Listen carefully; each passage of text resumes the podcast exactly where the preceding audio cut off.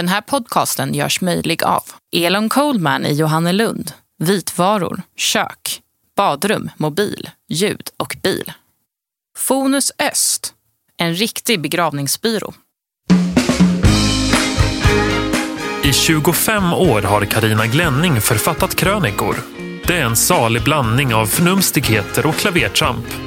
I podden Glennings gliringar läser Karina en handfull av dessa per avsnitt.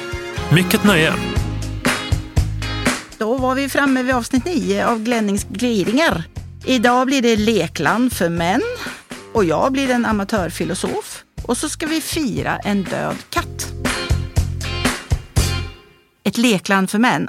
Ett IKEA-varuhus i Australien har startat ett lekland där kvinnor kan lämna in sin gubbe medan de shoppar loss.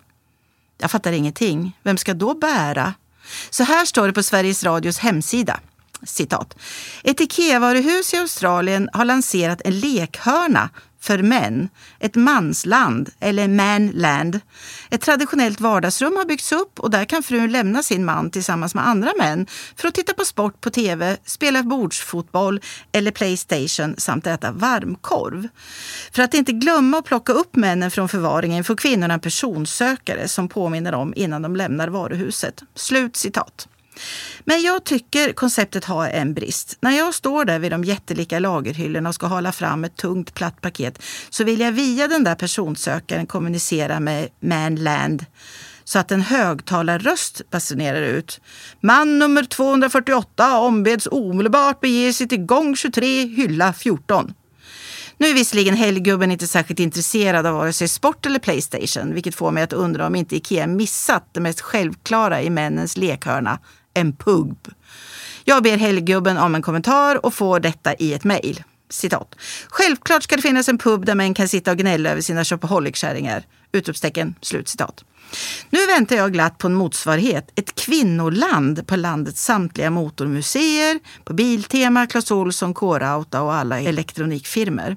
Helggubben får väldigt gärna lämna in mig där medan han med fuktig blick strosar bland oljefilter, golvlister, iPads och routers. Under tiden förnöjer jag mig med fotvård, skvallertidningar och praliner.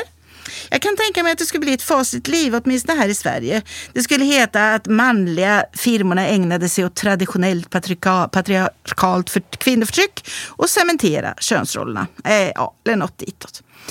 Men när det nu gäller ett lekland för män är det fritt fram att i Sveriges Radios läsarenkät ironisera och skämta omkring det. Tjoflöjt om jag här med får ruttna tomater kastade över mig. Men att männen inte protesterar mot denna mansinlämning och ironin kring det kan ju bara betyda en sak. Att de har mer humor och att de gillar idén. Jag undrar när vi i det här landet ska sluta problematisera så förbannat kring kön och våga erkänna att det visst finns biologiska skillnader mellan könen i stort, med stora avvikelser förstås inom respektive grupp. Och vad är egentligen problemet med det? Jag skulle verkligen inte vilja ha en relation med någon som i alla lägen fungerade som jag själv. Så här tycker jag. I olikheterna mellan könen och för all del obegripligheterna ligger ju en stor del av själva attraktionskraften. Mot lungmoset går vänner. Varför står det 35 plus på din tårta mamma? Jag trodde du fyllde 45. Ja, det gör jag, men jag tycker att 35 plus låter trevligare. I min aktningsvärda ålder bestämmer man själv vad det ska stå på födelsedagstårtorna och det är inte ljug. 35 plus kan ju vara vilken ålder som helst. Över 35. Okej, okay, hur känns det då att fylla 35 plus? Tja, det var som, ungefär som att fylla 28 eller 33 eller 41. Det är ingen skillnad. Möjligen är jag aningen klokare, men kropp och själ känns som det alltid har gjort. Är det riktigt säkert? Absolut gumman, 100 procent. Bergis. Bra, för jag vill inte att du ska dö på länge. Varför sa jag så där? Varför säger man saker? Jag kunde med attan på att det skulle sitta någon bitter surgubbe med anskrämliga tänder på ett moln och tänka haha, det där ska vi snabbt ta ur kärringen. Tre dagar in på mitt 45 år slängde jag in två Läkerol i munnen och tuggade loss som jag inte sett föda på tre dygn. Plötsligt sa det bara i en tresexa i nederkäken. Den tredje sexårstanden för er som inte är så dentologiskt bevandrade. Jag tog ut tabletterna och i dem satt en halv gadd som jag haft sedan jag var sex år. Eftersom jag fick min barntandvård på 60-talet och man inte visste bättre än att vid ett litet hål borra upp hela tanden och hälla i amalgam som om det handlade om att gjuta en lyktstolpe så blir det en dyr historia, typ 5 000. Tanden går nämligen inte att laga. Det får bli en brygga, upplyste tandläkaren mig om. Brygga? Nej, det är väl bara jättegamla människor som har sånt. Kommer den att glappa? Ska man lägga den i ett glas med vatten om nätterna? Nej då, lugna tandläkaren. Den sitter fast och detta är alldeles normalt i din ålder, Karina. Ja, just det. Jag, jag måste ju försöka vara i min ålder, mentalt alltså. Men kanske är det dags att börja vara det. Dystert ser jag på återstoden av mitt liv. Bort med Läkerol, bort med kolor, bort med knäck, ett litet toj. Vågar man sig på det? In med kungen av Danmark och syrliga tandkarameller. En liten skumtomte kanske går bra, om den är färsk och inte för seg. Gröt, soppa, lapskojs, välling, ris alla malta, puré, pölsa, lungmos. Ja, ja, det ska väl gå det med. Allt handlar om tillvänjning och billigt käk är det ju dessutom. För övrigt kan jag låta hälsa att lårbenshalsarna tycks vara i fint skick. So far. Den lilla amatörfilosofen. Lycka och välstånd tycks inte höra samman. Tvärtom, ju högre välstånd desto olyckligare. Merparten människor i västvärlden har allt man kan begära av mat för dagen och tak över huvudet. Ändå ökar antalet människor som mår dåligt i en förfärande takt. En läkare höll föredrag här på jobbet. Han konstaterar att han under en enda dag i Indien såg fler leenden än han gör på en månad här i Sverige. Människorna han besökte svalt inte, men de levde under oerhört påvra förhållanden. Varför verkar de då vara så lyckliga? Och varför är vi så olyckliga? Är välstånd bra bara till en viss gräns? Därefter tippar det över och gör en olycklig. Men begreppen välstånd och hälsa borde väl åtminstone höra samman. Nej, inte ens det. Begreppet hälsa har genomgått en intressant förändring. För 50 år sedan var hälsa detsamma som att inte ha fysiska krämpor. Idag är hälsa förknippat med välbefinnande snarare än att inte ha ont i benet. Socialt, ekonomiskt och psykiskt välbefinnande, det är vad den rika världen avser när vi pratar om hälsa. Okej, okay, hälsa har fått en vidare betydelse men det förklarar ju ändå inte varför vi mår så dåligt. Är det för att vi har det för bra och lätt? För mycket tid över för att känna efter? Nej, det kan inte stämma. Alla klagar ju över att de har för lite tid. För liten känsla av meningsfullhet i det dagliga arbetet kanske? Mina barn behöver inte svälta om jag presterar en dålig krönika. Men för en fattig bonde i Indien handlar en dålig skörd om liv eller död. Jag blir inte klok på det här. Och mina amatörfilosofiska funderingar leder ingen vart. Vad gnäller jag själv om?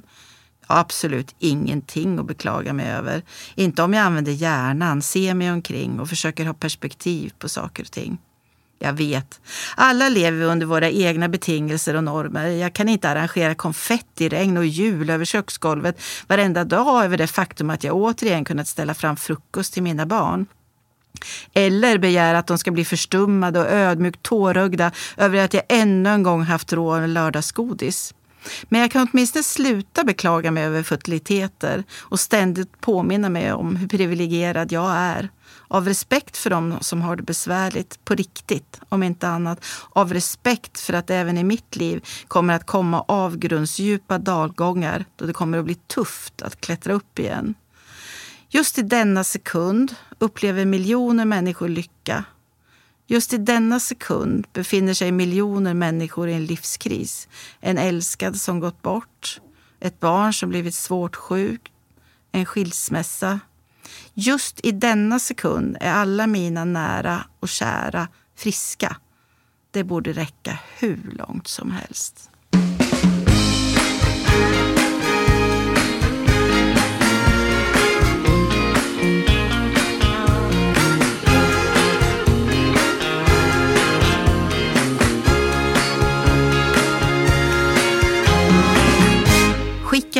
Ketchupen, kärring. Skicka hit ketchupen, kärring, vråla dottern. Den kan du hämta själv, skriker jag tillbaka. Min bonusdotter säger ingenting. Hon bara halvligger över matbordet med slö blick och ketchup rinnande nerför hakan. Sonen glömmer av sig. Det här var otroligt gott mamma. Han får sig en omedelbar åtutning. Sånt snack använder vi inte. Fattar du eller? Helggubben rapar ljudligt. Vi sträcker oss över varandras tallrikar. Vi är allmänt nonchalanta och otrevliga. En utomstående åskådare skulle baxta. Men, men, det är helt i sin ordning. Vi har temamiddag nämligen. Vi kallar det raggarmiddag, men fulmiddag är nog en bättre benämning. Alla är klädda i skinn, västar eller jackor. Döttrarna är kolsvarta runt ögonen, har illrött läppstift och hår toperat ett par decimeter högt på huvudena. På stereon skrålar Magnus Uggla på högsta volym. Till förrätt äter vi smördegsinbakad chiliölkorv och till varmrätt spaghetti med köttfärssås. Det är en rätt som är nästintill omöjligt att äta snyggt och passar därför utmärkt till denna temamiddag. Till slut är vi mätta både på spaghetti och glåpord. Andra halvan av middagen blir inte fullt så burdus som den första. Man orkar inte med sån stämning särskilt länge, konstaterar barnen. Tänk om det vore så jämnt. Usch! Dagen före hade vi gammeldags finmiddag som tema. Porterstek, gräddsås, pressad ättiksgurka och gelé förstås. Klassisk musik i bakgrunden och mormors finaste porslin. Man och pojke uppklädda i slips, vi kvinnfolk i långklänning eller långkjol. En gardinvåd går också bra, bara den är lång. Alla sitter käppraka i ryggarna. Ingen lägger bestick på bordet eller låter armbågarna vila där. Konversationen över den utsökta måltiden är givetvis artig, aningen stel och mycket välartikulerad. Jag har något trevligt att berätta för er barn. I morgon kommer onkel Rutger och spelar violin för er i hagen ned mot sjön säger jag och får euforisk respons. Och så härligt mor! Vilket underbart initiativ! Ja, jag är så förväntansfull. Temamiddagar går att variera i oändlighet. Fulmiddagen lämpar sig förstås om man bara har lite större barn som förstår att det handlar om ett högst tidsbestämt rollspel. Eller om man så vill, en sedelärande lektion med tanke på hur det går till i vissa skolmatsalar. Extra roligt blir det om man lägger ner lite möda på menyvalet, musiken och kläderna. Finmiddagens förrätt kan lämpligen bestå av skagentoast och efterrätten av vaniljpudding med saftsås. Fulmiddagens efterrätt kan vara en glassbalja som alla äter direkt ur med varsin sked. Eller vad sägs om 70-talstema för vuxna med fondue, middagsgäster i plysch, stora uggleglasögon och Nationalteatern på stereon. Som uppvärmning tittar man på filmen tillsammans. Mat är allvarliga saker som man borde leka mer omkring. GDKD, en dag värd att fira. Det var en onsdagskväll som alla andra matlagning, läxor, köra en maskintvätt. Kan vi inte göra en tårta imorgon kväll som vi kan äta på fredag kväll? föreslog den evigt pysselsugna dottern. Din vanliga specialare med banan, jordgubbar, grädde, geléråttor och kinapuffar. Visst, jag handlar ingredienser imorgon så kan du göra den. Kvällen därpå gjorde dottern tårtan som bestämt. Hmm, men vad ska vi fira då mamma? Det känns roligare om vi firar något. Äsch, vi skriver bara 9 februari på den och bestämmer att hädanefter så firar vi i detta hus just den 9 februari, tyckte jag. Eh, Okej okay, mamma, men varför? Ja, tja, för att vi vill helt enkelt. Högtidsdagar får man aldrig för många av och det finns redan en massa specialdagar inskrivna i almanackorna. Finlands självständighetsdag, Värnlösa barns dag, samernas nationaldag, askonsdagen, världsbokdagen, Gustav Adolfsdagen, försoningsdagen, kanelbullens dag. Men vänta nu. En närmare titt i almanackan ger vid handen att Fanny har namnsdag den 9 februari. Men då så. Fanny hette ju den lilla fina bonkatt som jag växte upp med och som kurade ihop sig hos mig i sängen var eviga natt. Barn! Härmed proklameras att den 9 februari hädanefter är en helgdag. Det är då världen, eller åtminstone vi, ska fira gamla döda katters dag. Vad vi just har gjort är att ha ätit en GDKD-tårta. Ja, det är bra tyckte dottern. Dagen kan heta så, men jag tycker att vi ska tillägna den alla döda hus vi har haft. Kanske titta lite på gamla kort och så. Att få plats med alla namn på tårtan gick inte, men ni finns ju i våra hjärtan. Elsa, Tufsan, Sune Sockergryn, Molly, Nisse, Alexander, Hector, Herman. Istället skrev vi bara GDKD, nionde andra på tårtan. Vi satte fast geléråttorna runt tårtans kant på huvudet så att färgglada svansar bildade en ring av givakt. I detta slutmomentets avgörande ögonblick fick så sonen en av sina blixtidéer. Jag vet! Istället för en marsipanros som det brukar ligga på tårtor så ska vi ha en han sprang iväg upp till sitt rum och kom rödrosig tillbaka med en liten plojgrej från Buttricks. En mycket naturtrogen låtsaskattbajs. Eller hundbajs kanske. Ja, men det är ju lysande! Bravo! Råttor och kattbajs ska det förstås vara på ett bakverk värdigt gamla döda katters dag. Är tillvaron lite småtrist där i snögloppet, instifta en egen högtidsdag. Och så ett litet vintrigt helgtips. Äntligen ett vettigt användningsområde för den gamla förhatliga vaxduken. Bege er till närmsta snöbacke, sätt hela familjen på duken så den behöver vara stor. Lockas inte barnasinnet av det så har du inget kvar. Det är så himla kul. Sen får man ta att kroppen känns som om den blivit körd genom en mangel några dagar efteråt.